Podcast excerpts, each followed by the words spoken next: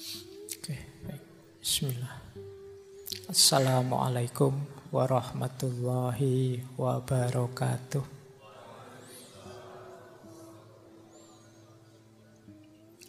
Bismillahirrahmanirrahim.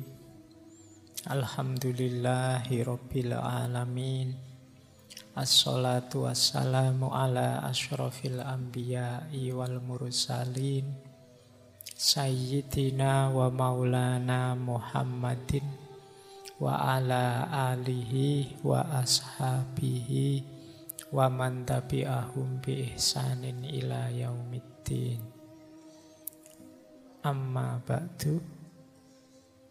Bismillah teman-teman.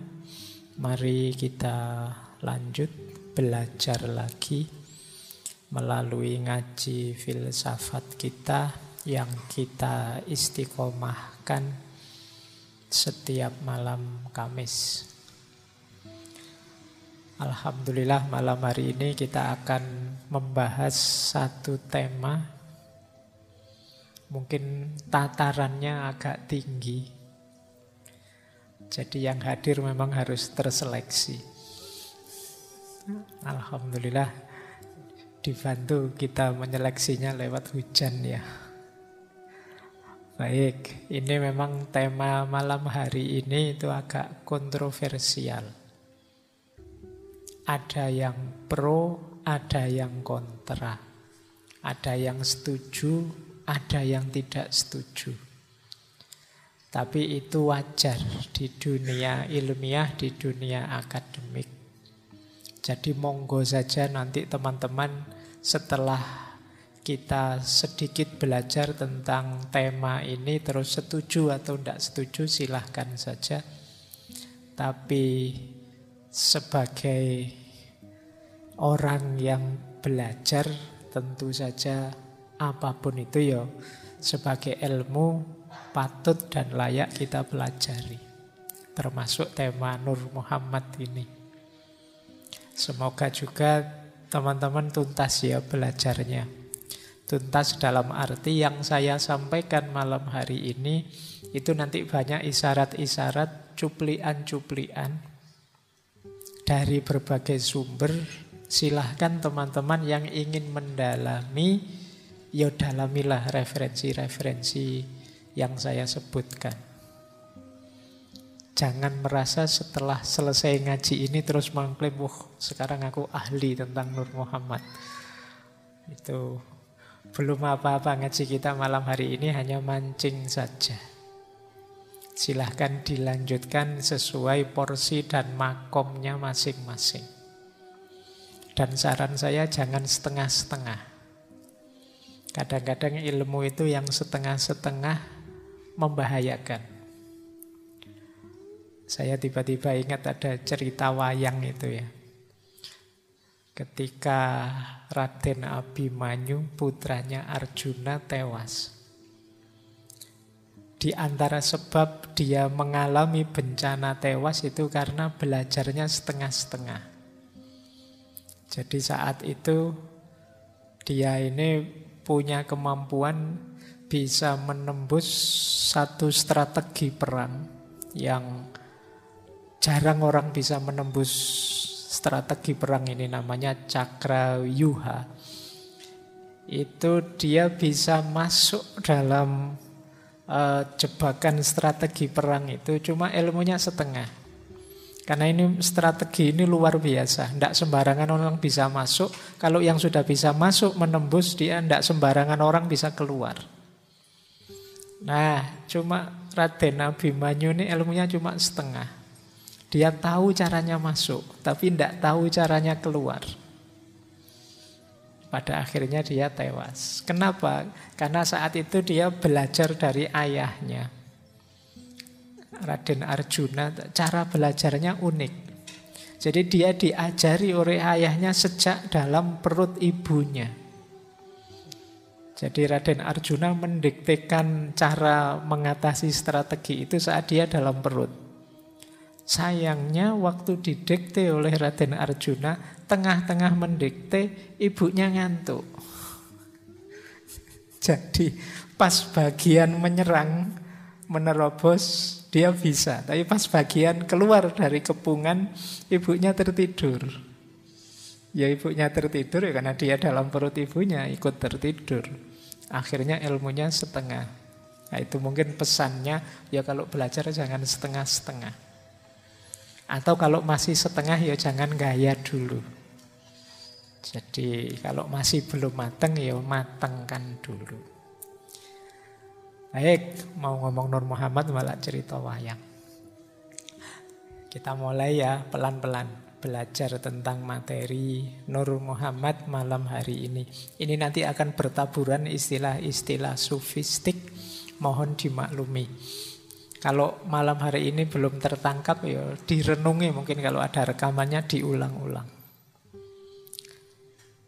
Bismillah ya, kita mulai. Ambil nafas dulu sebentar. Oke. Nah, Saya awali dari pengertian, nanti pendalaman-pendalaman. Ini namanya memang unik, Nur Muhammad. Istilah ini secara umum masyhur di dunia tasawuf, biasanya dipahami sebagai makhluk Allah yang paling awal, paling tinggi, paling mulia, paling utama. Jadi setiap kata itu nanti jadi definisi dan penjelasannya. Dia paling awal, paling tinggi, paling mulia, dan paling utama. Yang kedua, Nur Muhammad ini nurnya Allah. Tapi tidak sama dengan Allah. Nah, bukan zatnya Tuhan. Meskipun nanti salah satu pandangan menyatakan Nur Muhammad ini makhluk yang diciptakan sejak azali. Nanti muncul perdebatan kontroversi karena ada beberapa ulama yang bilang dia ini kodim. Nanti yang tidak terima bilang, lu satu-satunya yang kodim kan Allah. Kodim itu melintasi waktu, dia tidak berawal, dia azali. Tapi sementara biarkan ini dulu, nanti kita pahami pelan-pelan. Kemudian, kenapa sih menggunakan nama Muhammad? Kenapa dikaitkan dengan nama Nabi kita Muhammad Sallallahu Alaihi Wasallam?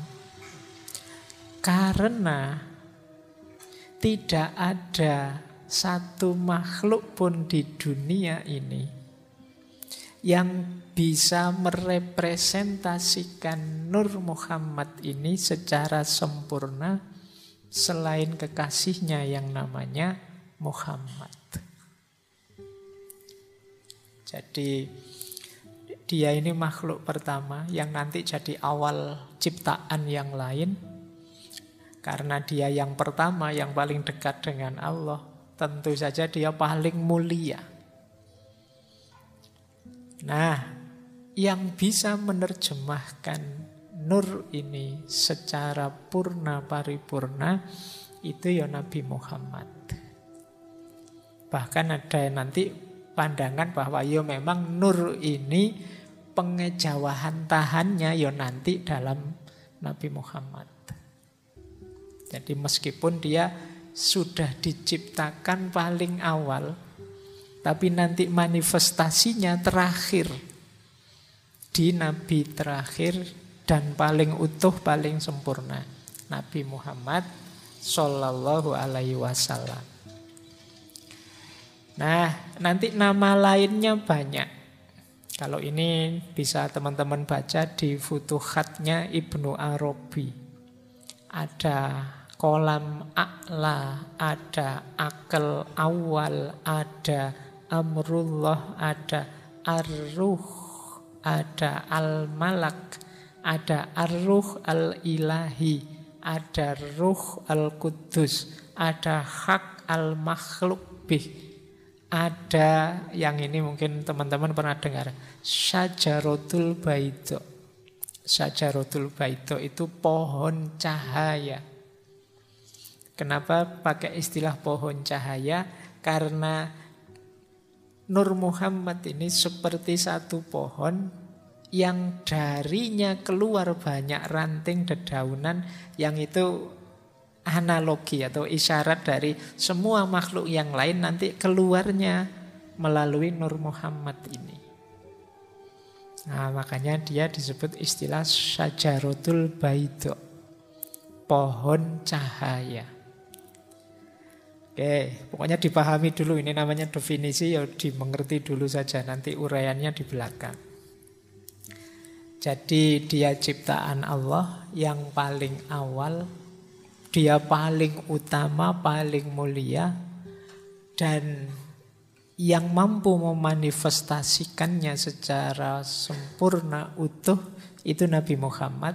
Bahkan ada yang bilang Nabi Muhammad itulah pengejawantahannya Nur Muhammad sehingga ya namanya disebut Nur Muhammad. Oke, ini pengertian umumnya.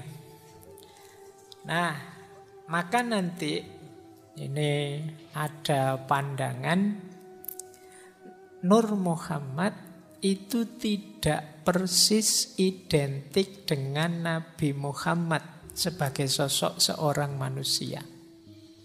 Jadi Nur Muhammad itu bukan persona manusia, nabi atau rasul akhir zaman. Tetapi tidak bisa dipisahkan dengan Nabi Muhammad sebagai person. Karena Nabi Muhammad itu representasi Nur Muhammad seutuhnya. Jadi intinya nanti ini sebenarnya. Meskipun nanti ada ulama yang agak berlebihan, ada juga ulama yang sama sekali anti. Oke, jadi dasarnya ini dulu. Sekarang kita eh, masuk ke dalilnya dulu. Pak, gagasan-gagasan seperti Nur Muhammad ini apa ada dalilnya, Pak? Jangan-jangan 100% ngarang.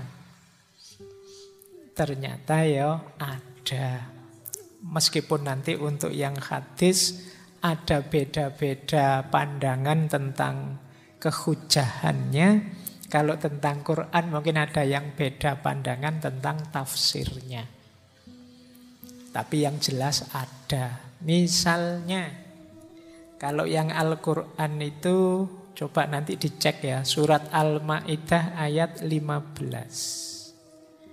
Ya ahlal kitab Qad ja'akum rasuluna yubayyinu lakum kathiram mimma kuntum tuhfuna minal kitab. Wahai ahli kitab, sungguh telah datang padamu Rasul-Rasul kita, utusan kita yang menjelaskan pada kalian banyak hal yang tersembunyi dari kitab wahyunya Allah. Wayakfu angkatir. Dan dia memberi banyak memberi pemaafan. Nah ini loh yang dimaksud Nur Muhammad tadi. Kot ja'akum minallahi nurun wa kitabum mubin. Sungguh telah datang pada kalian nur. Yang nur ini ya tafsirnya Nabi Muhammad wa kitabum mubin dan kitab yang maha menjelaskan.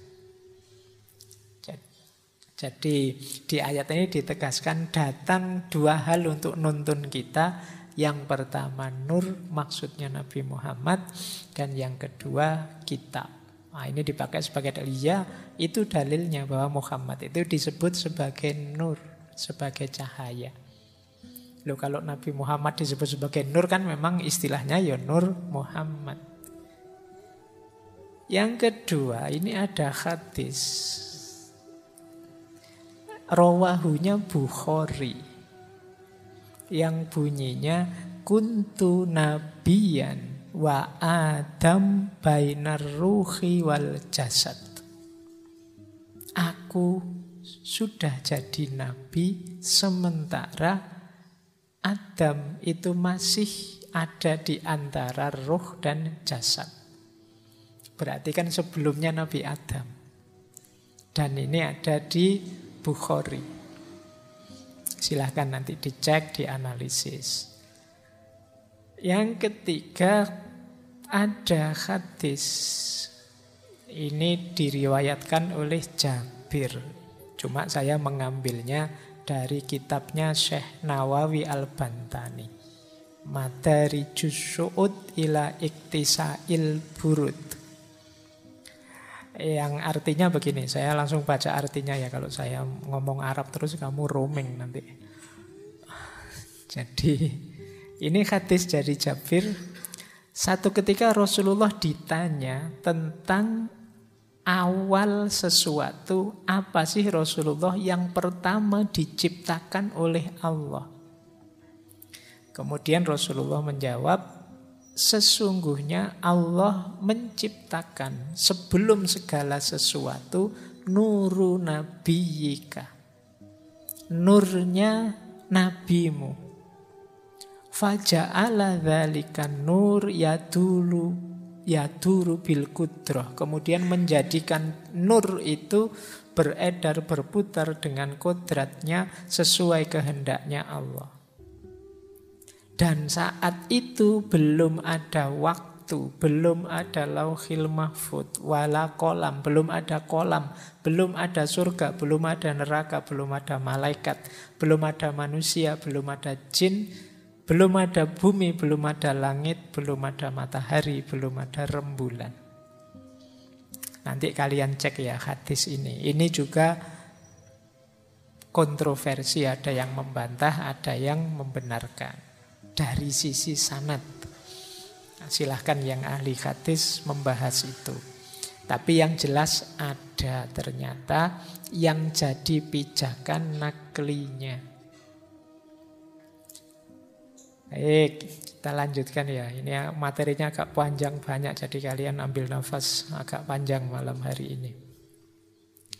Saya khawatirnya menangkapnya setengah-setengah, jadi sekalian saya tuntaskan.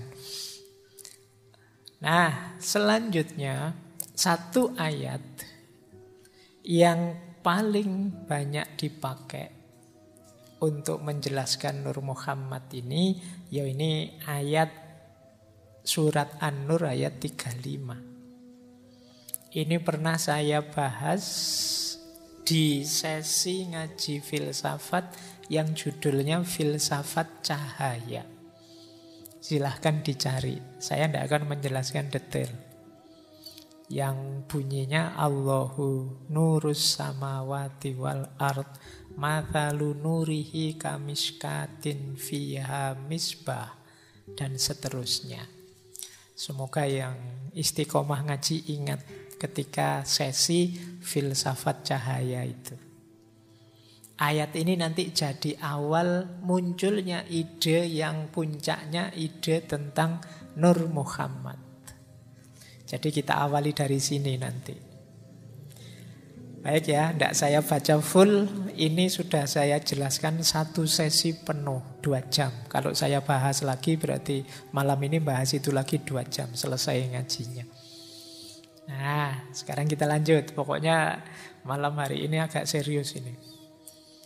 Lanjut ya. Sekarang genealoginya kalau bahasanya Nietzsche ya. Kita lacak asal usulnya perkembangan historis seperti apa munculnya gagasan Nur Muhammad ini.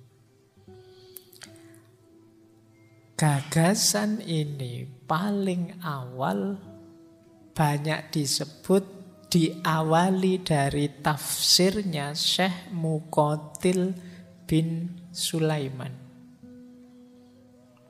Syekh Mukotil bin Sulaiman ini dari Balkh. Kadang-kadang nulisnya Syekh Mukotil bin Sulaiman al-Balkhi. Balkh itu ya Afghanistan. Beliau ini sejaman dengan Imam Abu Hanifah. Kalau Imam Abu Hanifah bidang fikih, kalau beliau ini dikenal ya bidang tasawuf dan ahli tafsir.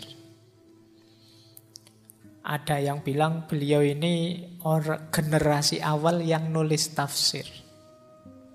Di antara tafsirnya yang sangat terkenal itu ya tafsir Al-Kabir. Coraknya memang agak isari, agak mistik. Nah, hubungannya apa dengan Nur Muhammad?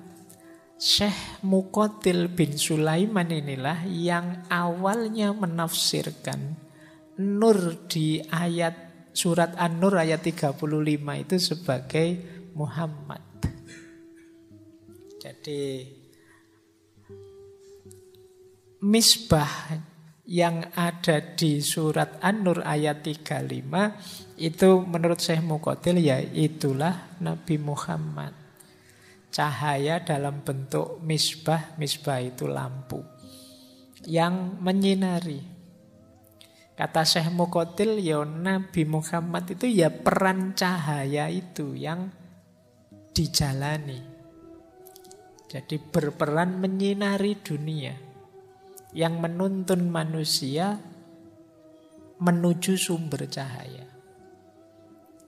Jadi Allahu nurus samawati masalu nurihi kamiskatin fiha misbah. Nurnya itu seperti satu ceruk yang di dalamnya ada lampu. Nah, misbah di situ kan ada yang menafsirkan Allah, tapi bagi Syekh Mukotil itu Nabi Muhammad. Makanya redaksi selanjutnya dalam ayat la syarqiyah wala hurbiyah. Tidak timur, tidak barat. Itu maksudnya risalahnya Nabi Muhammad itu menyeluruh tidak terbang tas bangsa timur saja, apalagi timur tengah saja. Tapi untuk seluruh dunia. La syarqiyah wala hurbiyah. Nanti di tafsir Syekh Mukotil itu muncul istilah Nurul Mustafa, Nurul Huda, dan lain sebagainya yang belakangan kan banyak dipakai oleh nama-nama di Indonesia ini kan banyak nama Nurul Mustafa. Ada enggak yang nurul huda dan lain sebagainya. Cahaya petunjuk. Cahaya yang terpilih. Saya yakin malam hari ini yang hadir ada yang nama Nur atau nama Nurul. Di setiap kelas saya ngajar mesti ketemu kata-kata Nur, Nurul dan lain sebagainya. Jadi karena memang posisi sebagai cahaya itu kan membanggakan. Dia menerangi sekitarnya, dia jadi penuntun, dia jadi petunjuk. Nah, ini awal sebenarnya belum eksplisit di situ ada istilah Nur Muhammad. Tapi mulai muncul istilah-istilah Nabi Muhammad sebagai cahaya. Nah, nanti karena ini genealogi ya kita pahami pelan-pelan. Terus mulai muncul banyak istilah tadi kekaguman-kekaguman kepada Nabi secara alegoris, secara analogis menggunakan istilah cahaya. Termasuk istilah cahaya di atas cahaya. Nurun ala nurin. Nurun ala nurin ini ditafsirkan makhluk hidup semuanya ini kan dalam dirinya ada kandungan cahaya. Tapi puncaknya cahaya ya Nabi Muhammad itu, ya Nur Muhammad itu. Maka Rasulullah itu nurun fauqa nurin. Dia cahaya di atas segala macam cahaya. Selain cahayanya Allah tentu saja. Jadi diawali dari tadi misbah sekarang jadi nurun faukonurin. Dan itu kemudian banyak dipakai istilah cahaya ini dalam syair-syair.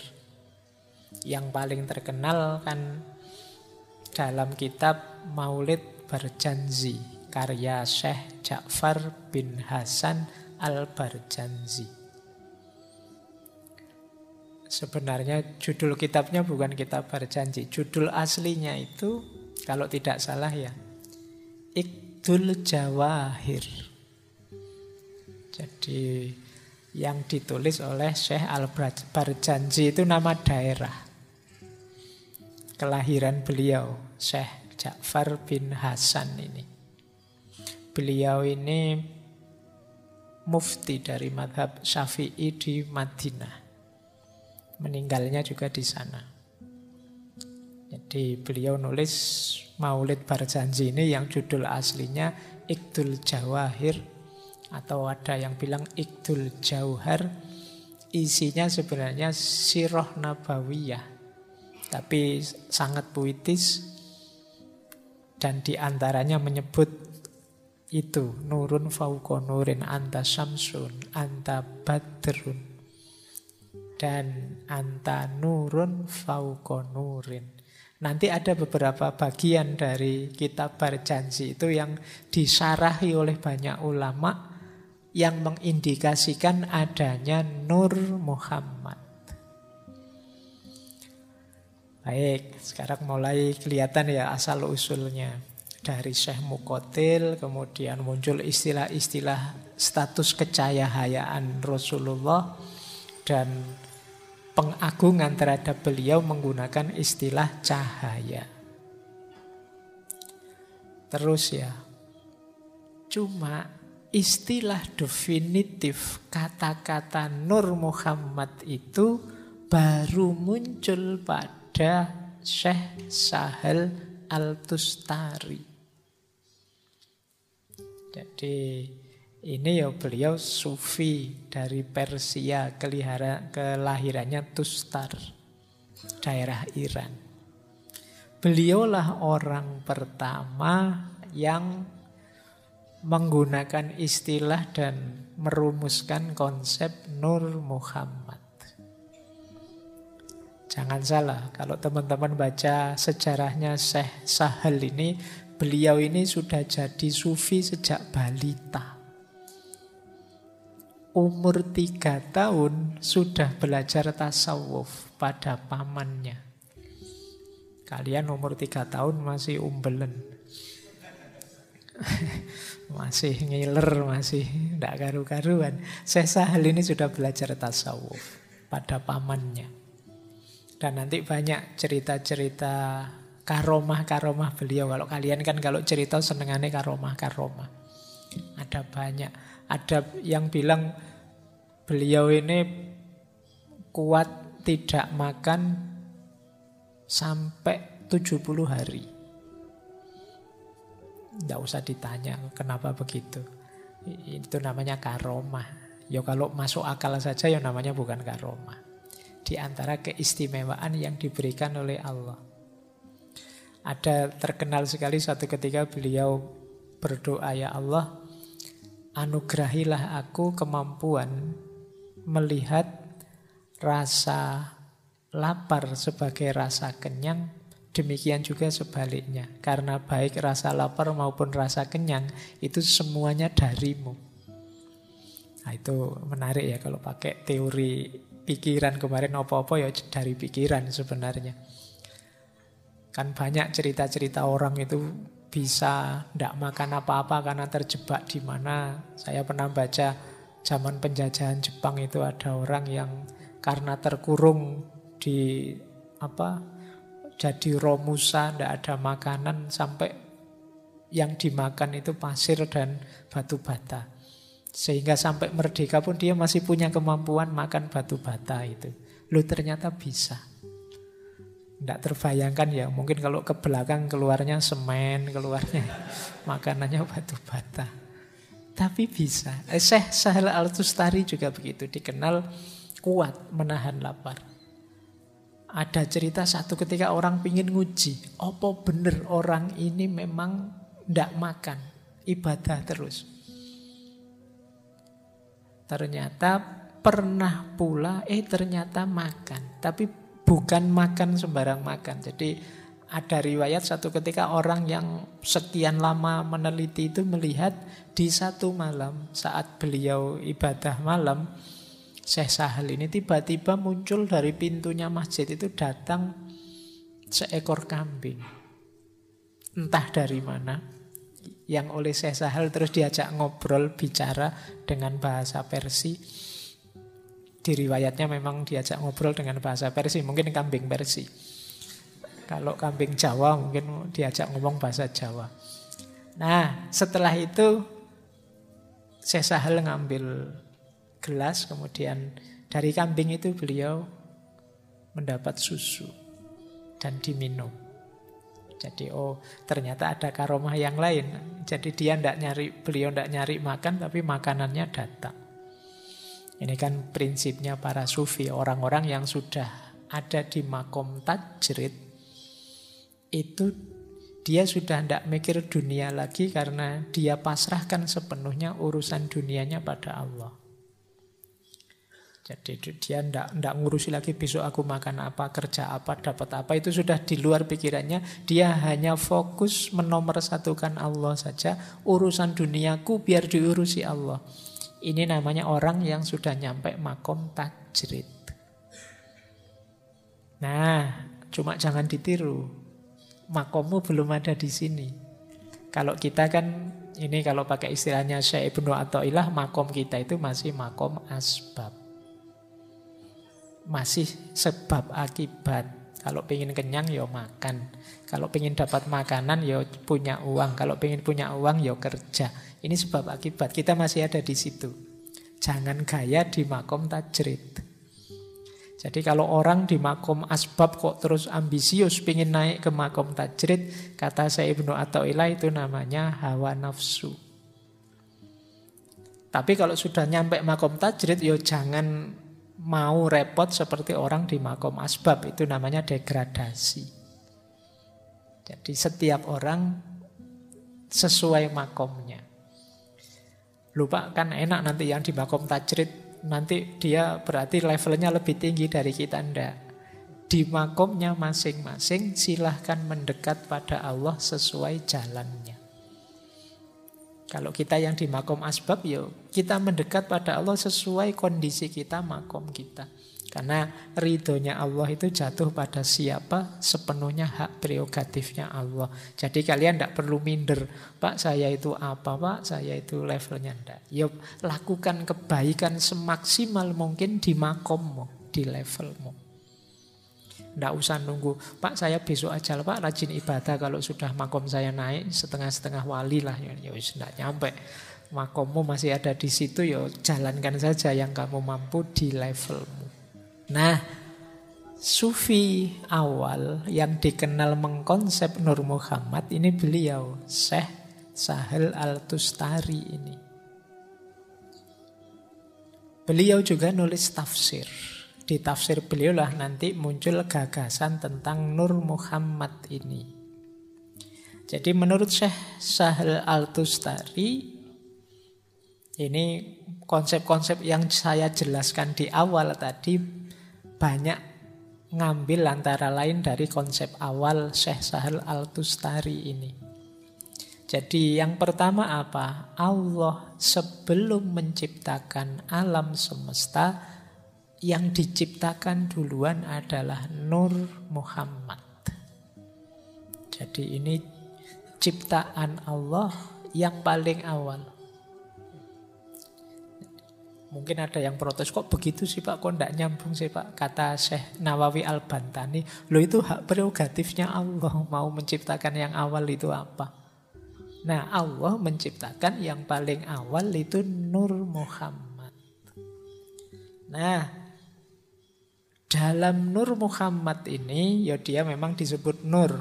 Anggap saja wujudnya cahaya meskipun jangan mendefinisikan cahaya seperti lampu listrik sekian watt ini. Jadi bentuknya cahaya dan memang sifatnya kodim. Kodim dalam tanda petik ya nanti dijelaskan di belakang oleh Ibnu Arabi. Awas campur dengan Allah. Meskipun nanti kalau di Al-Halaj dianggap sama levelnya. Nah, jadi dia prakekal, azali kodim. Meskipun kodimnya dalam tanda petik tentu saja tidak selevel Allah karena dia ciptaannya Allah. Dan selanjutnya alam semesta ini diciptakan oleh Allah melalui Nur Muhammad. Makanya tadi oleh Ibnu Arabi pakai istilah sajaratul baido. Seperti pohon yang keluar banyak ranting cahaya. Jadi dari Nur Muhammad inilah nanti muncul banyak makhluk-makhluk dari level paling transenden sampai level materi.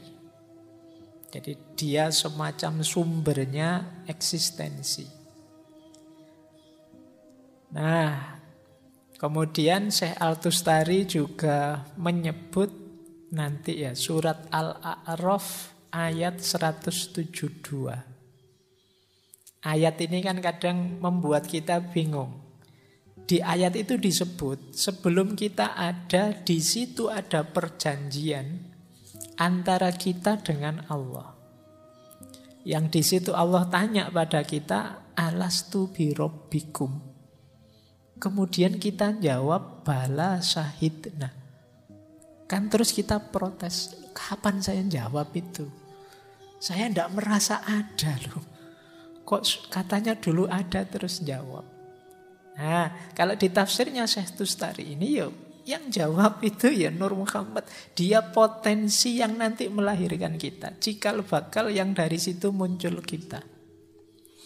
Bahkan ya dalam tafsirnya, dalam ceritanya, Nur Muhammad ini begitu diciptakan, dia sujud pada Allah sekian ribu tahun. Jadi makanya saat itu ada perjanjian, oke makhluk akan lahir semua, tapi sebelum dimunculkan diajak berjanji. Jadi apa semacam disuruh syahadat dulu. Ditanya oleh Allah, alastu birobbikum bala syahidna. Apakah engkau menganggap aku Tuhanmu, bukankah aku ini Tuhanmu? Terus jawab bala syahidna. Nah, itu ada yang nafsir yaitu Nur Muhammad yang dia potensi semua makhluk nantinya. Nah, oke, okay. ya nanti Syekh Tustari juga menjelaskan manusia itu ada muridin, ada murodin. Muridin itu sisi fisiknya, kemanusiaan kita. Kalau murodin itu hakikat diri kita yang paling dalam. Yang di situ ada Nur Muhammad.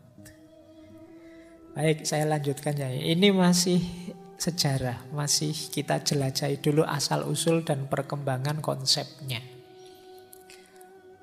Nah ini boleh nanti teman-teman cari ya. Ini referensinya Syekh Sahel Al-Tustari, tafsir beliau yang tafsir Al-Quran Al-Azim. Kalimat yang saya kutip antara lain ini. Muhammad yang secara harafiah artinya yang terpuji diyakini sebagai perwujudan sempurna cahaya azali yang juga merupakan sumber penciptaan alam semesta. Termasuk para nabi dan seluruh keturunan manusia. Ia adalah manifestasi pengagungan sempurna atas zat Allah karena telah menyembah langsung di hadiratnya selama satu juta tahun ketika masih berbentuk cahaya. Oh, berarti saya tadi keliru bilang ribuan, satu juta tahun. Meskipun sebenarnya maknanya satu juta tahun itu bisa kita maknai sangat lama. Ketika bala syahidna tadi. Meskipun eksistensi dan esensi Nur Muhammad bukan eksistensi dan esensi sejati, Kenapa tidak sejati? Karena dia sekedar cahaya yang diciptakan tetapi dia adalah cahaya Allah yang memancar darinya sebagaimana sinar dan kehangatan memancar dari matahari. Jadi kalau diibaratkan cahaya matahari, Allah itu mataharinya, Cahaya itu Nur Muhammad. Cahayanya adalah Nur Muhammad. Jadi ini pakai ibaratnya Syekh Sahel Al-Tustari. Makanya yo ya beda. Cahaya matahari dengan matahari kan beda. Tapi dekat. Sangat dekat. Bahkan nyambung. Nanti seluruh cahaya, seluruh terang di muka bumi ini yang muncul dari situ. Oke, ini tokoh kedua yang disambungkan dengan Nur Muhammad. Tokoh ketiga, muridnya Syekh Sahal antara lain Abu Mansur Al-Hallaj. Ini pernah kita bahas satu sesi khusus. Tokoh yang mungkin sangat teringat di pikiran teman-teman. Karena kontroversinya. Nah, pandangan Altustari ini sangat berpengaruh nanti terhadap Husain bin Mansur Al-Hallaj ini. Jadi Kata Al-Halaj, ya Nur Muhammad itu makhluk pertama. Dialah Muhammad spiritual karena nanti ada Muhammad material, ya Nabi Muhammad itu. Dia adalah sumbernya semua makrifat. Dia adalah cahaya semua wujud. Jadi menurut Al-Halaj ya Muhammad itu punya dua hakikat. Yang pertama hakikat cahaya Kemudian yang kedua hakikatnya sebagai manusia yang terikat oleh ruang dan waktu.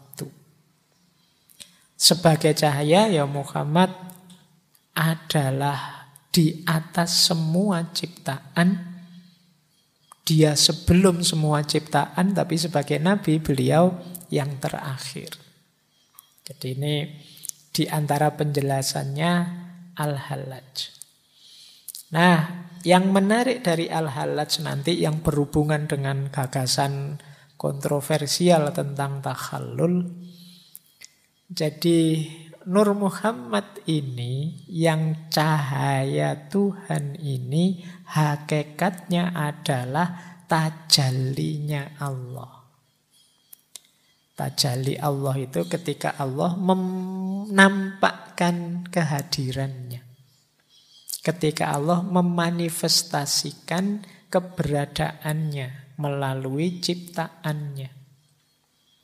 Berarti Nur Muhammad tadi yaitu tajalinya Allah yang paling utuh, paling sempurna.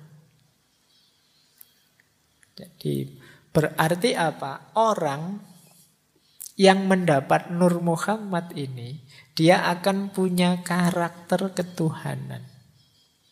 Karena karakternya Nur Muhammad ini yang paling mirip dalam tanda petik ya dengan Allah, dengan Tuhan. Karena dia tajalinya Allah yang paling utama, yang paling dekat, yang paling pertama. Dan itu dikutip boleh teman-teman baca kitab Tawasin bab pertama itu ada kalimat begini cahaya-cahaya kenabian terpancar dari cahayanya. Dan cahaya mereka berasal dari cahayanya. Tidak ada cahaya di antara cahaya-cahaya lain yang lebih cemerlang dan lebih terang serta azali selain cahaya pemilik kemuliaan ini. Ini pembukaannya bab 1 kitab Tawasin. Mungkin kalian tidak paham maksudnya, kalian baca saja bolak-balik nanti paham sendiri. Kalau masih belum paham berarti memang makomnya belum nyampe. Itu kalimatnya berentetan cahaya. Oke ya, jadi intinya Nur Muhammad itu tajalinya Tuhan. Yang dia ini bisa diperoleh oleh siapa saja dan manifestasi paling sempurnanya ya Rasulullah. Orang siapa saja tadi yang mencapai Nur Muhammad, ya kalau para nabi otomatis ya, adalah para wali. Jadi para wali itu orang yang mampu mencapai cahayanya Allah. Nah ini nanti melahirkan beberapa kontroversi dalam gagasannya Al-Halaj. Termasuk tajalli tadi ketika dimaknai secara verbal literal itu seolah-olah Allah hadir menyatu dalam dirinya manusia. Kemudian orang yang dapat Nur Muhammad ini, para wali ini, kemudian oh berarti dia bisa punya syariat sendiri karena levelnya sudah kayak Nabi dan lain sebagainya. Ada beberapa kontroversi dalam gagasannya Al-Halaj. Jadi ini agak lebih ekstrim dibandingkan tadi Syekh Sahel Al-Tustari. Kita lanjutkan. Nah, lanjut kemudian gagasan ini diperdalam lebih sophisticated, lebih detail oleh Syekhul Akbar Ibnu Arabi. Nah, kalau teman-teman nanti membaca Futuhat, itu kata Ibnu Arabi Nur Muhammad itu sebenarnya ya salah satu nama. Kalau di situ disebut 22 nama.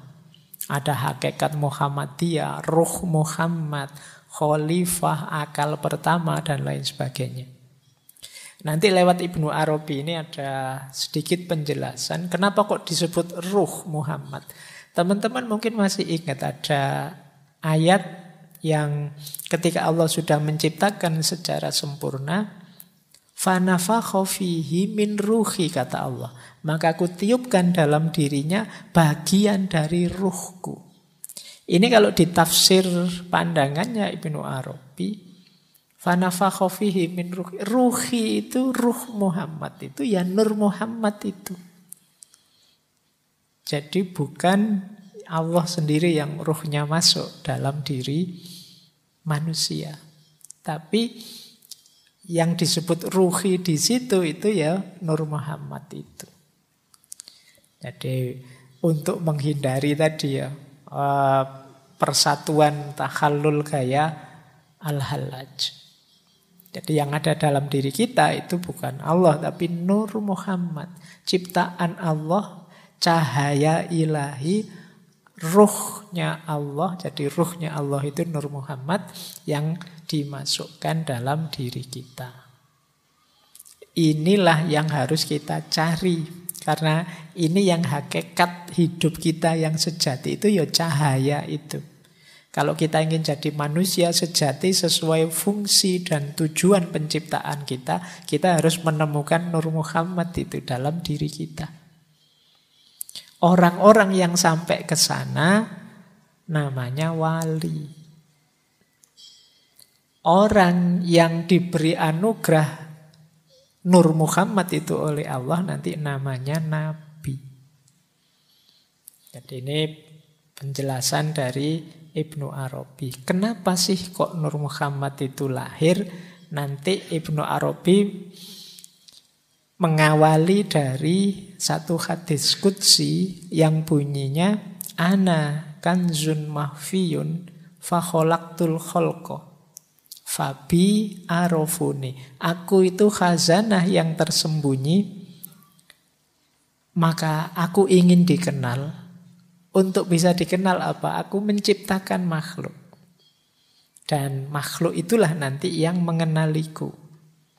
Jadi kenapa kok Allah menciptakan makhluk yang pertama kok Nur Muhammad? Karena Allah ingin dikenali. Maka diciptakanlah makhluk yang paling sempurna, paling perfect, paling dekat, dan paling mirip dalam tanda petik dengan Allah sehingga mudah nanti mengenali Allah. Berarti tugas utamanya makhluk kalau sesuai hadis ini, hadis kudsi ini ya berarti untuk mengenali Allah. Karena Allah itu laisa kamislihi syai'un, tidak bisa digambarkan seperti apa pun, ya Allah menciptakan makhluk. Biar kita bisa lebih mudah mengenali Allah. Nah, makhluk prototipe yang paling perfect, jembatan yang paling memudahkan kita mengenali Allah ya Nur Muhammad ini. Nah, itulah tafsirnya Ibnu Arabi. Jadi makhluk itu jalannya Allah untuk bertajalli. Menampakkan dirinya. Jadi dalam diri setiap makhluk sebenarnya terdapat kandungan ilahiyah. Yang itu yang harus kita hidupkan. Baik, ini pelan-pelan ya nanti kita urai. Ini masih mentah pikirannya mereka para sufi, para tokoh. Lanjut, ini saya belum nafsir-nafsir ya, saya hanya mengikuti yang ditulis. Kemudian melanjutkan tadi ya, manusia itu adalah tajallinya Tuhan yang paling sempurna. Dalam arti di antara semua makhluknya Allah yang paling dekat kualifikasi dan kualitasnya dengan Allah itu manusia. Di antara semua manusia yang paling puncak, paling sesuai karakter dan ciri-cirinya dengan Allah itu Nur Muhammad. Dan Nur Muhammad ini manifestasi konkretnya ada pada Nabi Muhammad. Jadi ini rentetan logiknya. Nah, nanti kata Ibnu Arabi, ya Nabi Adam dan Muhammad itu sama-sama bapaknya manusia. Kalau Rasulullah Nabi Muhammad yang manifestasi Nur Muhammad tadi adalah Abul Arwah. Kalau Nabi Adam itu Abul Jasad. Jadi bapak rohani kita itu Nur Muhammad, bapak jasmani kita itu Adam. Yang Nur Muhammad itu manifestasi lahiriahnya ya Nabi Muhammad. Maka kata Ibnu Arabi dalam diri kita itu ada unsur-unsur kemuhammadan. Atau kalau di kitabnya ya ada unsur-unsur Muhammadiyah. Jangan tanya yang NU ada di mana. Iya. Wah, berarti dalam diri kita ada unsur kemuhammadian ini NU ono di terusan. Jadi ada unsur kemuhammadan. Jadi bagian dari Nur Muhammad potensi cahaya yang siap untuk kita nyalakan, kita hidupkan.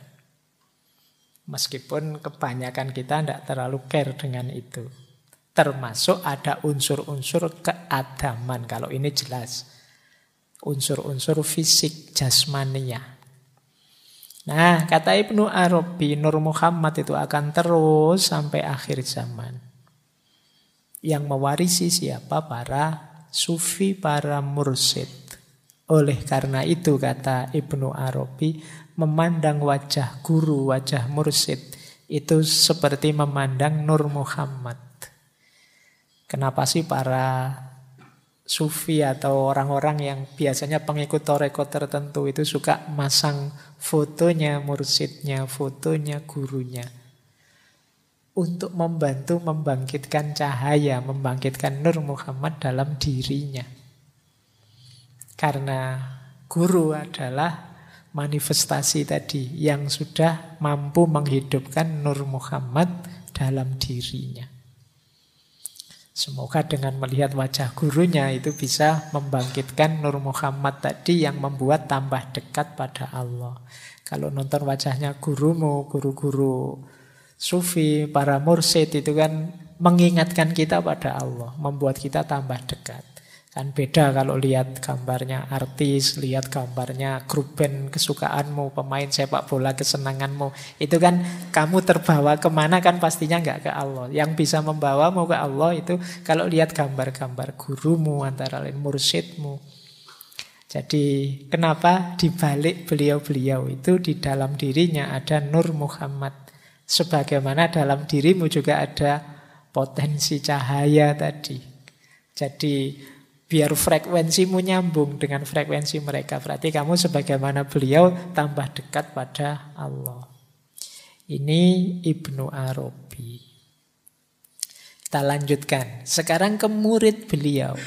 Syekh Abdurrahman Al-Jili. Beliau ini muridnya Ibnu Arabi, masih keturunannya Syekh Abdul Qadir Al-Jilani. Beliau panjang sekali menafsir tentang Nur Muhammad ini di antara kitab beliau yang terkenal itu tentang insan kamil. Ini kitab yang dua jilid besar. Yang dua jilid itu sekitar 53 atau 54 bab. Saya ingat karena nanti di jilid kedua itu di situ ada penjelasan menarik bahwa Aristoteles itu banyak mendapat pelajaran dari Nabi Khidir. Coba kamu cari penjelasan itu di tulisannya Syekh Abdurrahman Al-Jili ini. Tentang insan kamil. Itu nyambungnya bagaimana antara Aristoteles dengan Nabi Khidir. Nabi Khidir kan lintas waktu memang. Ya sopo ngerti memang menemui Aristoteles. Dan Aristoteles bisa belajar dari beliau itu berarti punya kapasitas spiritual tertentu. Aristoteles. Kadang-kadang kita aja ketemu Nabi Khidir mungkin tidak kenal. Karena itu tadi frekuensi kita beda. Level kita mungkin tidak nyampe. Tapi kalau bisa sampai belajar ya luar biasa. Jangan-jangan buku-bukunya Aristoteles itu tentang politik, tentang retorika, tentang itu. Jangan-jangan ilmu Nabi Khidir. Oke, yo percaya ndak percaya monggo saja. Tapi ini yang ngomong sekelas beliau, Syekh Abdurrahman Al-Jili. Baik, ada beberapa yang mungkin perlu kita garis bawahi dari Syekh Al-Jili ini. Beliau melanjutkan gurunya tentang tadi ya kuntu kanzan mahfiyan fa ahbabtu an u'rafa fa khalaqtul khalqa fa bi arafuni Aku adalah khazanah tersembunyi, kemudian aku ingin dikenal, lalu kuciptakan makhluk. Dan dengan makhluk itu mereka mengenali aku. Nah, kata-kata kholko tadi, kata Syekh Abdurrahman Al-Jili, tegasnya fakholaktul kholko itu berarti fakholaktu Nur Muhammad. Maka aku ciptakan Nur Muhammad yang jadi sebabnya alam semesta. Kemudian nur tadi masuk dalam diri para nabi, para rasul, para aulia, orang-orang soleh yang menjadi cerminnya Allah. Yang menggambarkan dirinya, namanya, sifatnya, dan afalnya. Jadi ini mungkin lebih realistis tafsirnya Syekh Al-Jili. Jadi ya ndak, ndak di semua orang karena mungkin ada orang yang jahat, ada orang yang gelap. Fabi arofuni tadi dengan makhluk mereka mengenaliku ya makhluk yang baik, yang soleh, yang dekat dengan Allah, yang sadar ketuhanannya Allah dan itu para nabi, para aulia, para ulama yang dalam dirinya Nur Muhammad ini hidup. Dari mereka lah orang bisa sadar, bisa kenal tentang Allah. Jadi dari orang-orang soleh, para nabi, para ulama, para aulia. Mereka inilah yang menghidupkan Nur Muhammad dalam dirinya. Jadi ini tafsirnya Syekh Abdurrahman Al-Jili. Nah nanti beliau panjang menjelaskan Oh Nur Muhammad itu setelah Allah menciptakan Nur Muhammad Allah menciptakan surga neraka Lalu menciptakan wujud ulia Terus menciptakan wujud sufla dan lain sebagainya. Nur Muhammad itu sendiri akan lahir secara fisik sempurna dalam diri Nabi Muhammad Shallallahu Alaihi Wasallam. Nah, ini tafsirnya Syekh Abdul Karim Abdurrahman Abdul Karim Al Jili. Lanjut ya. Nah, beliau saya bilang tadi nulis kitab Insan Kamil. Insan Kamil ini adalah perwujudan Nur Muhammad. Dan hanya Nabi Muhammad yang bisa disebut insan kamil yang hakiki. Nabi-nabi yang lain ya memang perwujudan insan kamil. Para ulama, para aulia iya, mungkin dalam diri kita sedikit iya. Tapi perbandingan insan kamil yang lain dengan Nabi Muhammad, kata Syekh Abdul Karim Al-Jili, itu perbandingan antara yang sempurna dan yang lebih sempurna. Yo insan kamilnya nabi-nabi yang lain juga para wali sempurna wong namanya kamil. Tapi Rasulullah ini lebih sempurna. Memanifestasikan insan kamil. Kalau menurut Syekh Abdul Karim Al-Jili ini ya, insan kamil itu ada level bidayah, ada level tawasud, ada level hitam. Di level bidayah itu orang yang mulai dapat mewujudkan asma sifat-sifat ilahiyah pada dirinya. Ini kemungkinan mengelola akhlaknya, perilakunya, takholak bi ahlakillah. Naik satu level, level tawasud. Di level tawasud ini biasanya sudah dapat wawasan-wawasan kemakrifatan. Di level puncak, level hitam, ini dia bisa merealisasikan citra ketuhanan secara utuh. Nah ini mungkin nanti kapan-kapan kita bahas secara tersendiri ya, karena ureanya panjang. Karya Syekh Abdul Kalim Al-Jili ini tentang insan kamil. Selanjutnya kata Syekh Abdul Karim Al-Jili, insan kamil ini muncul setiap zaman, sejak Nabi Adam sampai puncaknya Nabi Muhammad. Siapa pun yang bisa mengaktualkan amalan dan tindakan seperti yang dilakukan oleh Nabi Muhammad, maka dia sebenarnya sedang menghidupkan citra yang paling tinggi yang bisa diperolehnya sebagai insan kamil. Jadi kalau kita bingung, Pak, gimana caranya saya menghidupkan Nur Muhammad? Dalam diriku, ayo kita ikuti cara hidupnya Nabi Muhammad. Karena beliaulah yang memanifestasikan Nur Muhammad secara paripurna. Ah, itu makanya kemarin di awal-awal sesi kan kita langsung masuk ke akhlak dan adabnya Rasulullah. Loh, penting kita hidupkan itu dalam rangka yaitu caranya untuk menyalakan menghidupkan Nur Muhammad dalam diri kita. Yuk kita langsung niru pada yang paling puncak menghidupkan Nur Muhammad yaitu Nabi Muhammad sendiri. Jadi caranya mudah niru. Iya, ya mungkin kalian gerundel, ya mudah Pak kalau diceramahkan, kalau di jalan kan ya tidak segampang itu. Kemarin kalian kan kalau pas kita ngaji akhlak dan adabnya itu kan kalian cuma bisa wow saja kan. Wah, wah kan gitu aja nih yo. Setelah ngaji yo hidup kembali seperti biasanya. Nah, padahal kita ada amanat itu.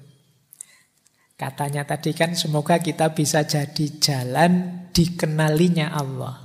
Karena kita diciptakan itu antara lain Allah menciptakan makhluk itu kan untuk Allah agar dikenali. Jadi paling tidak orang kalau lihat kalian itu ya kesadaran ilahiyahnya muncul. Wah, nonton anak kok sesoleh ini. Jadi ingat Allah aku kalau nonton kamu. Nah itu berarti lumayan kamu bisa membuat orang mengenali Allah dari melihatmu. Kayak kalian kalau lihat para ulama, para wali itu kan jadi sadar Allah.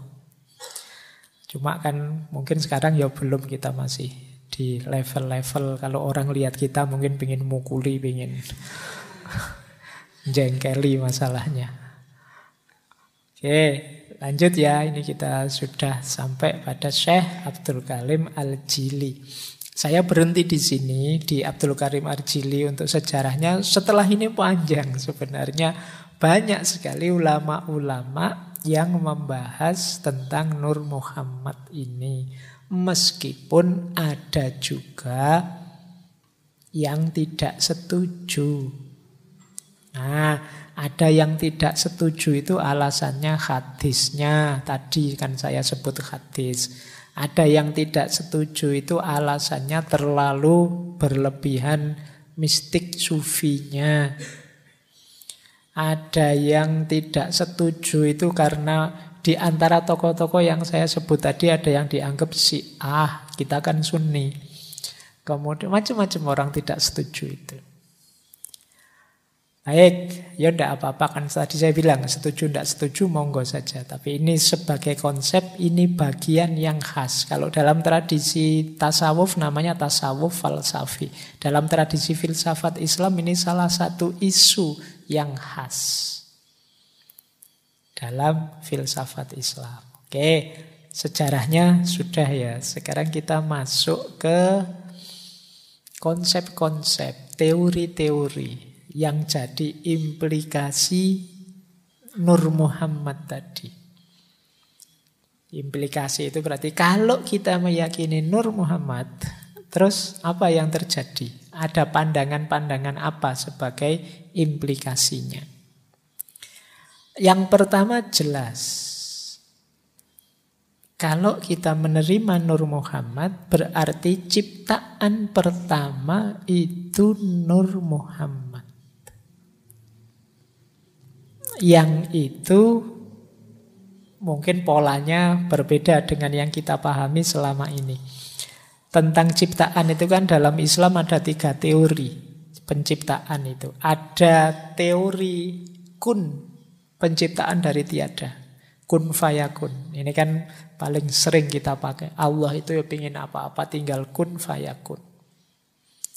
Ada model fight.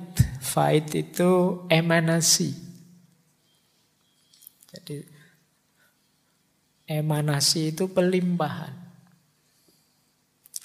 Faid itu dalam bahasa Persia itu kadang nulisnya faiz. Jadi saya pernah ke Iran itu ada tulisan besar sekali faiz itu. Aku GR, aku terkenal di sini. Ternyata itu faid, jadi pelimpahan, emanasi emanasi itu logika sederhananya makhluk itu tercipta dengan cara melimpah. Mungkin sulit kalian membayangkan melimpah itu ya. Melimpah itu karena gini loh. Sesuatu ter kalau kun fayakun kan kayak sulapan. Afrakadabra ada, terus kun fayakun. Apa saja terus yang diinginkan Allah hadir ada. Kalau melimpah itu karena ini para filosof biasanya tidak mungkin ada sesuatu tercipta tanpa ada bahan dulu sebelumnya. Pasti ada bahannya.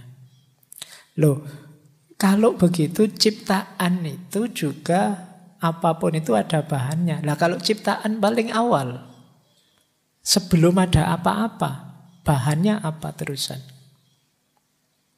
Karena tidak ada apa pun, ya tentu saja yang ada hanya Allah saja. Berarti ya bahannya ya Allah itu. Berarti apa? Melimpah dari dirinya Allah. Jadi ciptaan itu ya sumbernya Allah juga. Makanya ciptaan itu berjenjang. Kenapa? Ya kalau sumbernya Allah kan tidak mungkin termasuk yang jelek-jelek juga sumbernya Allah. Yang levelnya bawah seperti materi kan tidak mungkin. Nah, berarti apa? Ya nanti berjenjang. Limpahan pertama, limpahan kedua, limpahan ketiga, dan lain dan seterusnya. Termasuk pandangan Nur Muhammad ini berarti kalau pakai emanasi ya limpahan pertamanya Allah itu Nur Muhammad. Dia paling sempurna kenapa? Dia paling dekat dengan Allah. Makhluk selanjutnya yang melimpah dari Nur Muhammad tadi. Nah ini kalau kita pakai teori emanasi. Kalau pakai teori kun fayakun, ya berarti kun fayakunnya Allah itu Nur Muhammad. Selanjutnya kun fayakunnya melalui Nur Muhammad itu. Segala potensi kehidupan, segala potensi makhluk ada dalam diri Nur Muhammad. Itu pun hasil kun fayakunnya Allah. Ada yang ketiga namanya tajalli. Kalau ini terkenal di para sufi. Jadi tajalli itu adanya makhluk karena asmanya Allah. Allah ingin memanifestasikan dirinya.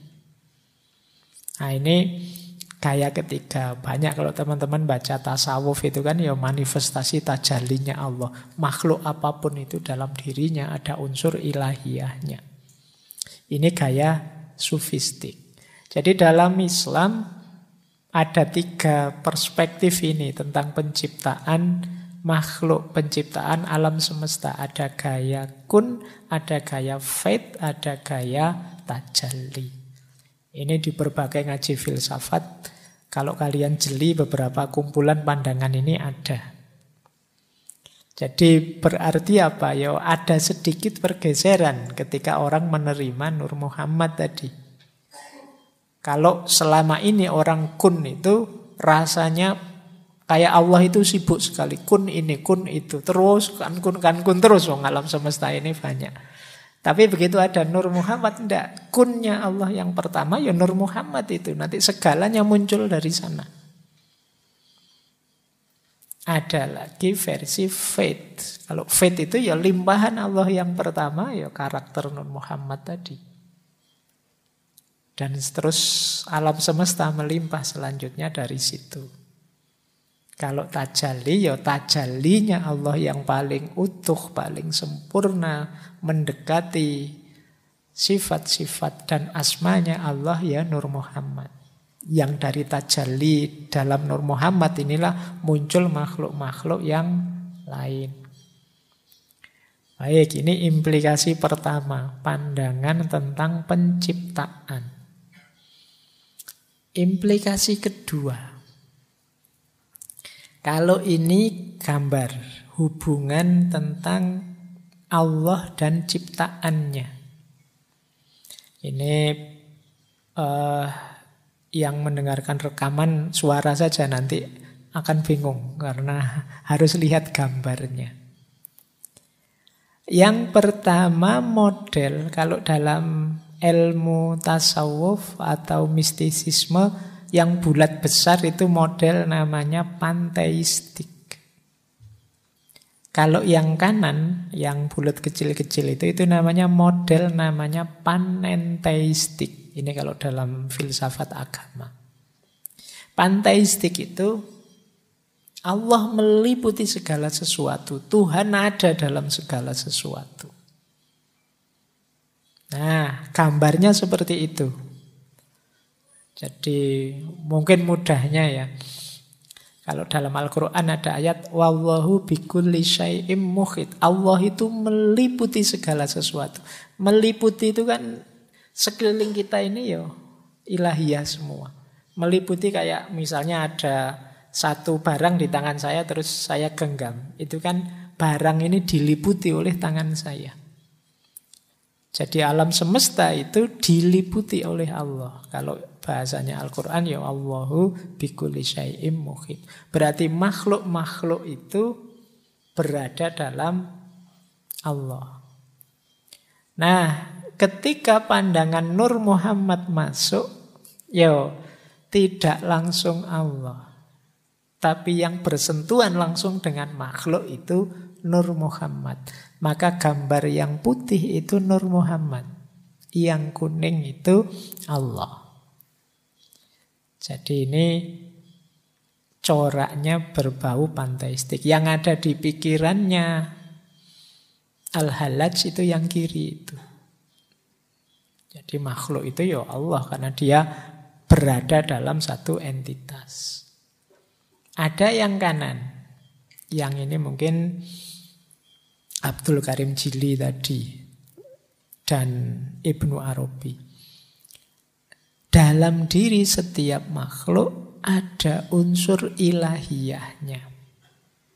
Cuma bukan Allah langsung, tapi melalui Nur Muhammad.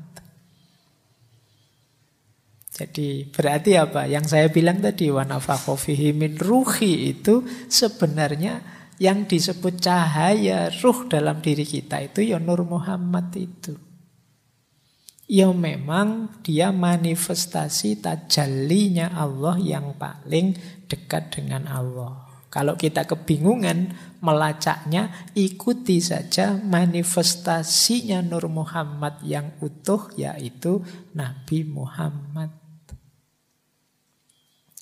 Nah, ini pandangan tentang hubungan antara Allah dan ciptaannya.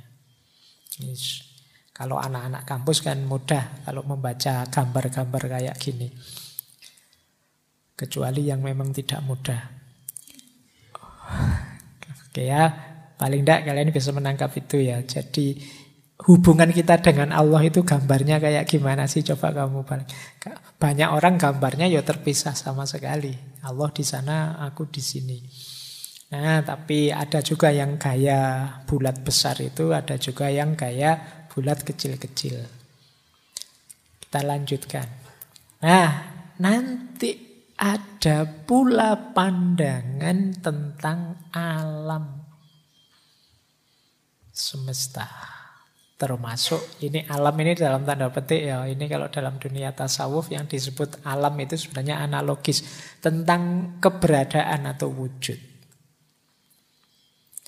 Implikasi dari Nur Muhammad tadi ya muncul banyak pandangan dan ini banyak sufi-sufi Nusantara juga memegangi pandangan Nur Muhammad ini sehingga muncul banyak pandangan termasuk tentang alam ada martabat lima, ada martabat tujuh dan lain sebagainya itu implikasi dari Nur Muhammad Nah, dalam dunia tasawuf alam itu ada enam level. Ini saya ambil salah satu teori saja untuk memudahkan kita membaca tentang semesta-semesta, tentang wujud.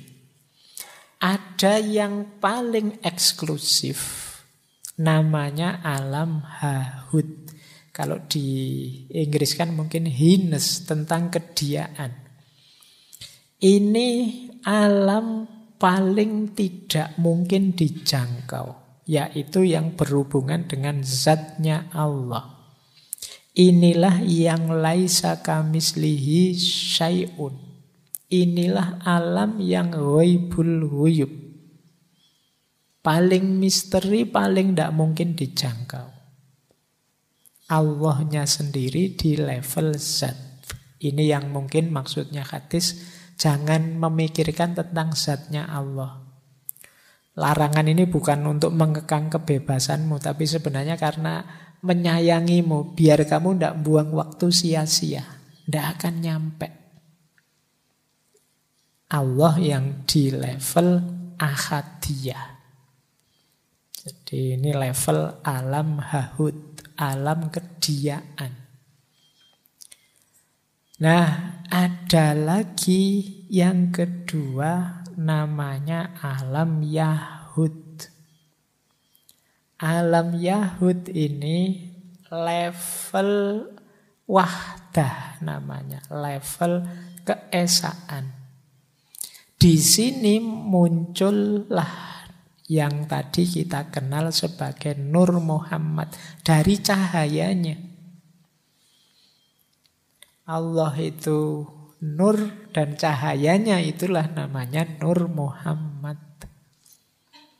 Nah ini Allah di level kediaannya dan Nur Muhammad. Jadi kalau di yang pertama hanya Allah saja, di yang kedua sudah ada Nur Muhammad. Ini alam wahdah. Kemudian alam ketiga, alam lahut. Alam lahut ini Ya Allah, Nur Muhammad dan sifat-sifatnya plus potensi segala macam makhluk dalam Nur Muhammad. Jadi ini alam level 3 namanya alam wahdaniyah. Wahdaniyah satu-satunya. Kalau wahdah itu kesatuan, keesaan. Kalau ahad itu ketunggalan sudah tidak bisa dijangkau. Jadi yang ketiga alam lahut.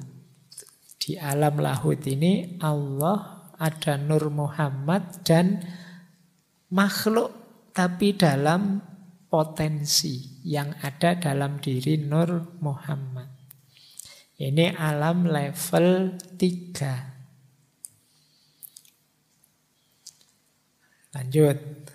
Saya tidak tahu kalian, pokoknya diikuti saja ya. Ngaji malam hari ini sampai mana penangkapanmu, Kapan-kapan sopo ngerti 10-20 tahun lagi kamu jadi wali, kamu dengerin lagi ngaji ini. Terus ya, yang keempat namanya alam Jabarut. Alam Jabarut ini nanti disebut wahidiyah. Kesatuan. Dari kata-kata Jabar. Jabar itu kekuasaannya Allah. Nah, kalau tadi makhluk itu potensial, sekarang makhluk itu lahir dalam bentuk jiwa secara umum. Di sini nanti ada lauhil mahfud, ada umul kitab, ada kolam. Ini di alam Jabarut ini. Nah, inilah nanti yang oleh Allah alastu birobbikum terus dijawab bala syahid. Ini dalam bentuk jiwa-jiwa secara umum, masih belum ada materi. Dari alam Jabarut nanti turun ada namanya alam malakut. Alam malakut ini jiwa-jiwa tadi sudah punya bentuk, tapi masih imateri. Jadi di sini nanti ada jiwanya binatang, jiwanya tumbuhan, ini jiwanya manusia, ini jiwamu, ini jiwa. Ini adanya di alam malakut. Yang paling akhir alam nasut. Alam nasut itu alam materi. Jadi di sinilah nanti jiwa-jiwa tadi masuk dalam jasad, dalam wadah yang sudah disiapkan sebelumnya. Oh ini pandangan tentang Nur Muhammad ini yo ternyata ada implikasinya dalam level-level alam. Itu mungkin kita menyebutnya dimensi. Alam yang banyak berlipat-lipat. Ada alam Hahud, Yahud, Lahud, Jabarut, Malakut, dan Nasut. Ini mungkin kalau pakai bahasa hari ini, ini multiverse-nya tasawuf.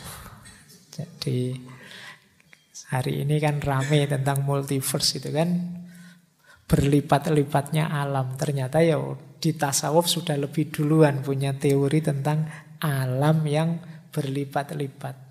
Jadi hidup ini ternyata tidak sekedar yang kita jalani dan nanti sesudah mati. Ternyata ada banyak level-levelnya. Oke, jadi ini pengaruh terhadap pandangan tentang alam. Lanjut. Kemudian pengaruhnya terhadap pandangan tentang sejarah. Teman-teman mungkin akrab dengan kalimat laulaka ya Muhammad ma khalaqtul aflak. Hadis kudsi. Atau ada yang bilang laulaka laulaka ma khalaqtul aflak.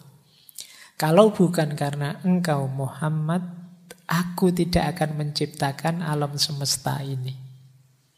Ini sering dimaknai betapa cintanya Allah pada Muhammad. Tapi ini dalam konteks Nur Muhammad, ini mempengaruhi pembacaan kita terhadap sejarah. Jadi versi Nur Muhammad ini berarti sejarahnya manusia. Sejarahnya Bani Adam itu hakikatnya adalah sejarah Muhammadiyah. Oh, enggak usah takut NU meneh.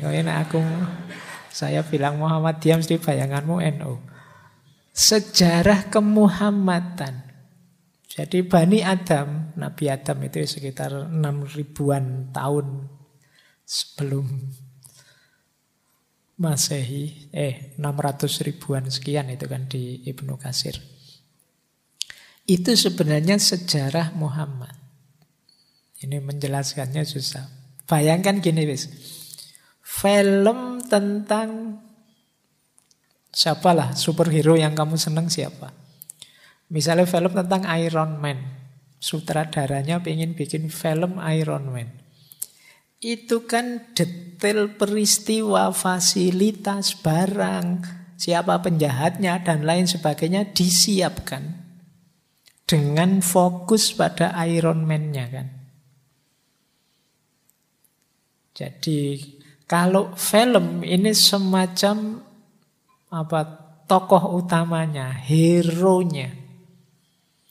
Jadi semua cerita, semua fasilitas, semua narasi itu sebenarnya mendukung sang hero ini. Itu kan kalau film. Loh, kisahnya tentang Nur Muhammad dan Nabi Muhammad dalam hidup ini mirip seperti itu. Jadi Allah itu sangat cinta pada Nabi Muhammad, maka diciptakanlah alam semesta. Dalam rangka apa? Mensukseskan manifestasi Nur Muhammad dalam diri Nabi Muhammad tadi loh.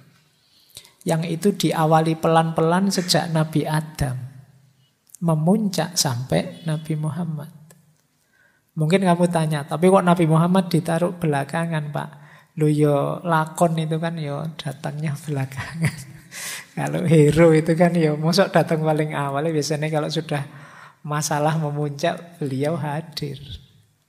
Jadi termasuk hadirmu siapa pun kalian itu dalam rangka mengikuti irama naskah cerita kemuhammadan tadi. Maka sadari kemuhammadanmu itu ikuti ritmenya tokoh utama ini loh. Karena dialah yang jadi fokusnya Tuhan. Jadi dia yang paling dicintai, yang dibuatkan cerita. Mudahnya begitu. Biar kelihatan betapa sempurnanya Nur Muhammad dalam diri Nabi Muhammad, ya segala narasi, segala cerita disesuaikan. Yang cerita awal diawali sejak Nabi Adam dengan segala dinamikanya nabi-nabi selanjutnya sampai 124 ribu seperti kemarin dan puncaknya hero-nya dalam tanda petik ya tokoh utamanya muncul pada diri Nabi Muhammad. Jadi cerita hidup kita, cerita hidupnya Bani Adam itu hakikatnya adalah cerita tentang Muhammad.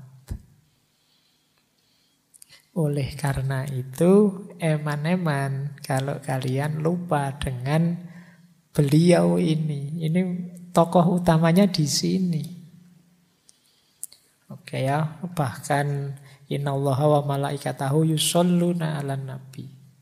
Memberi sholawat. Memang fokus perhatiannya selalu beliau, tokoh utamanya. Kayak kalian nonton film itu kan nunggu tokoh utamanya muncul. Kalau pas perang ya nunggu tokoh utamanya menang. Jadi polanya seperti itu. Jadi kita membaca sejarah itu berarti ya sejarah kemuhammadan. Karena laulaka ya Muhammad ma khalaqtul aflak. Berarti saya itu tidak penting ya Pak. Kalau kamu ingin dianggap penting, ikuti iramanya Nabi Muhammad. Teladani dia, maka kamu akan jadi orang penting di depan Allah. Karena kehadiranmu hakikatnya dalam rangka perwujudan cintanya Allah pada Nabi Muhammad. Oke, ayo nanti kamu renungi lagi ya hakikat kedirianmu. Cuma ini memang berat diterima karena manusia itu egois. Lebih menganggap diriku yang sejati, diriku yang penting. Kamu kan tidak mau jadi peran pembantu kan kamu semua ingin jadinya peran utama. Tapi yo harus diakui Sang Maha Sutradara memposisikan peran utama itu Rasulullah. Nah, kalau kalian ingin dicintai juga oleh sutradaranya, ikuti irama hidup gaya Rasulullah. Baik, jadi ini di antara makna dari Nur Muhammad tadi. Termasuk kalimat yang masyhur ini. Laula kaya Muhammad ma aflak. Kalau bukan engkau wahai Muhammad, aku tidak akan menciptakan alam semesta.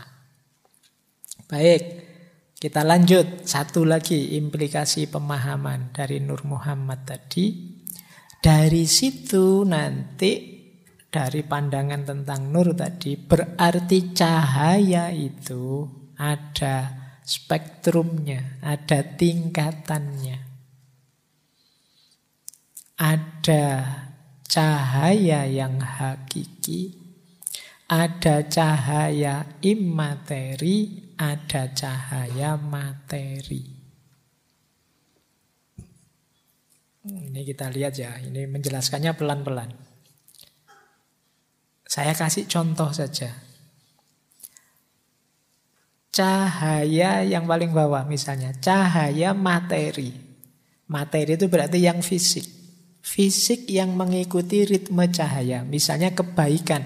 Kebaikanmu sodakoh.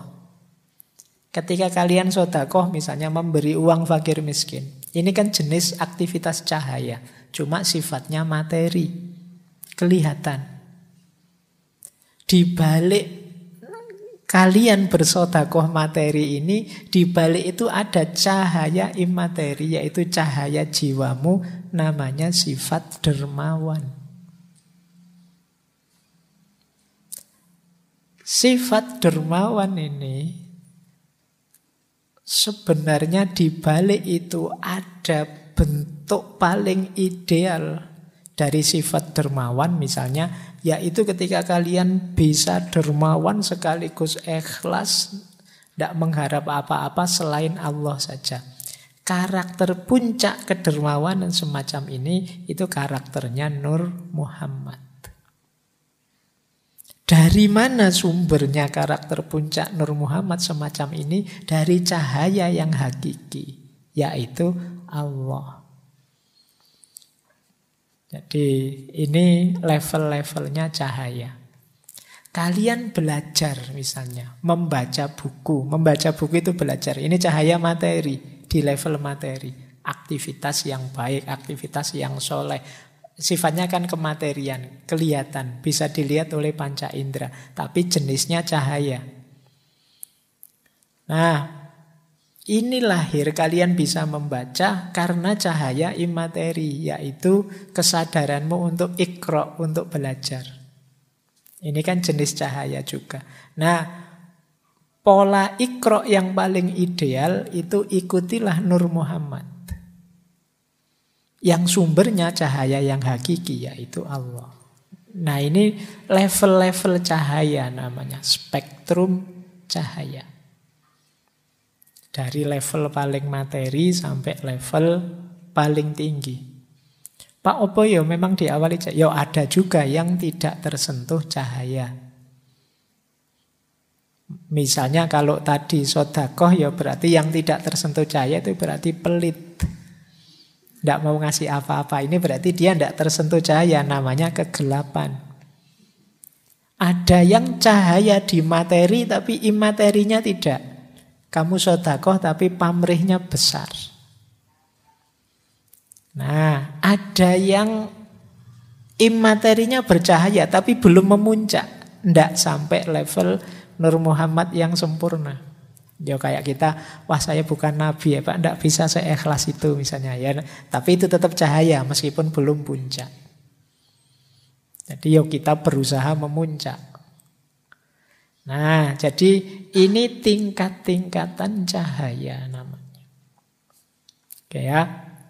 Nanti diulang lagi didengarkan ada banyak contoh tentang ini dalam hidupmu. Jadi kalau ingin mencahayai hidupmu secara sempurna, ya cahaya materi dinyalakan, cahaya imateri dalam dirimu dihidupkan, dipuncakkan sampai level Nur Muhammad. Oke, lanjut. Saya tutup malam hari ini dengan pandangannya Imam Nawawi. Tadi sudah saya singgung sedikit pendapatnya Imam Nawawi Al-Bantani. Kan banyak kontroversi-kontroversi tentang Nur Muhammad ini. Kata Imam Nawawi, kalau ada orang kok rewel, tidak mau menerima konsep ini, ya ndak apa-apa. Tapi kata beliau, konsep Nur Muhammad itu kan tidak sulit sebenarnya dipahami. Karena dia statusnya adalah makhluknya Allah. Bukan Allah kok. Dia itu ciptaannya Allah. Yang pertama, sebelum menciptakan makhluk lainnya. Keimanan kita, kata Syekh Imam Nawawi Al-Bantani, kepercayaan kelompok ahlu sunnah wal jamaah tidak akan cacat, ternoda, terkontaminasi atau sesat. Hanya karena mempercayai konsep Nur Muhammad. Kepercayaan kepada Nur Muhammad tidak membuat kita jatuh pada lubang tasbih atau musyrik menyerupakan Tuhan atau menyatukan Allah dengan Nur Muhammad. Nur Muhammad ini yo statusnya makhluk, tidak sama dengan Allah. Hanya saja makhluk yang paling utama, yang paling mulia, yang paling penting di hadapan Allah. Dan itu kan hak prerogatifnya Allah untuk menciptakan makhluk yang paling awal siapa dan apa. Nah ini komentarnya Imam Nawawi Al-Bantani. Itu kitabnya sudah saya tulis, silahkan dicari. Kitabnya bisa di-download gratis, tapi bahasa Arab. Ya, judulnya Madarijus Su'ud ila iksail burud. Isinya mensyarah berjanji. Baik, terakhir saya tidak berani panjang-panjang. Ini ulama-ulama yang membahas Nur Muhammad. Jadi banyak kok ulama yang mengulas ini. Mulai Syekh Abdul Qadir Jailani, Syekh Abdullah Arif, Imam Jalaluddin Asyuyuti dan gurunya Jalaluddin Al-Makhalli melalui kitab Jalalain. Imam Kostolani, Imam Zarkoni, tadi Syekh Ja'far Barjanzi, Syekh Yusuf An-Nabhani, ini kakeknya Syekh Takuyuddin An-Nabhani yang HTI. Tapi ini kakeknya, beliau ini sufi. Kemudian Syekh Nawawi Al-Bantani ini Indonesia ya. Syekh Nuruddin Ar-Raniri, Syekh Abdul Rauf Singkili, Syekh Abdul Somad Falimbani, Syekh Muhammad Nafis Al-Banjari, Syekh Daud Al-Fatoni, Fatani itu Padang. Tuan Guru Haji Ahmad bin Haji Yusuf bin Abdul Karim Kelantan. Alamah Abu Abdullah Asyih Muhammad bin Ahmad Ilisi. Ada yang membaca Ilyusi. Ini beliau yang mensyarah, menghasiah kitab Barjanji. Kemudian Syekh Muhammad Basri Al-Manzalawi, Syekh Usman, Sayyid Usman bin Abdullah bin Yahya, Syekh Muhammad bin Ismail Daudi Al-Fatani. Syekh Zainal Abidin Al-Fatani, Syekh Ahmad bin Muhammad Zain Al-Fatani, Syekh Usman bin Syiabuddin Pontianak Al-Funtiani, Syekh Abdul Hamid bin Ali Kudus. Dan sebenarnya masih banyak. Ini untuk mengingatkan saja banyak ulama-ulama yang membahas dan menerima konsep Nur Muhammad ini. Yo, sebagian besar memang dari tradisi tasawuf. Ini saya sebut ini dalam rangka sopo ngerti ada yang bingung nyari judul tesis. Bisa nyari bahan di situ Nur Muhammad menurut siapa kan biasanya ngono. Silahkan kalau ada yang ingin membahas. Baik, saya kira malam hari ini itu ya. Saya tidak bisa menangkap sejauh mana kalian bisa uh, memahami materi malam hari ini. Tapi paling tidak sedikit-sedikit semoga kita mulai ngerti. Oh itu tuh yang dimaksud Nur Muhammad itu yang banyak didiskusikan dan sering membawa kontroversi-kontroversi. Oke, teman-teman, setuju atau tidak setuju, itu hak masing-masing orang, jangan gegeran. Perbedaan itu sunnatullah. Insya Allah minggu depan sesi tentang kenabian kita tutup dengan cinta Rasul. Tapi bukan lagu ya, bukan nyanyi. Ya kita tetap seperti ini meskipun temanya cinta Rasul. Saya akhiri sekian, kurang lebihnya mohon maaf. Wallahul muwafiq, wallahu a'lamu bisawab. Wassalamualaikum warahmatullahi wabarakatuh.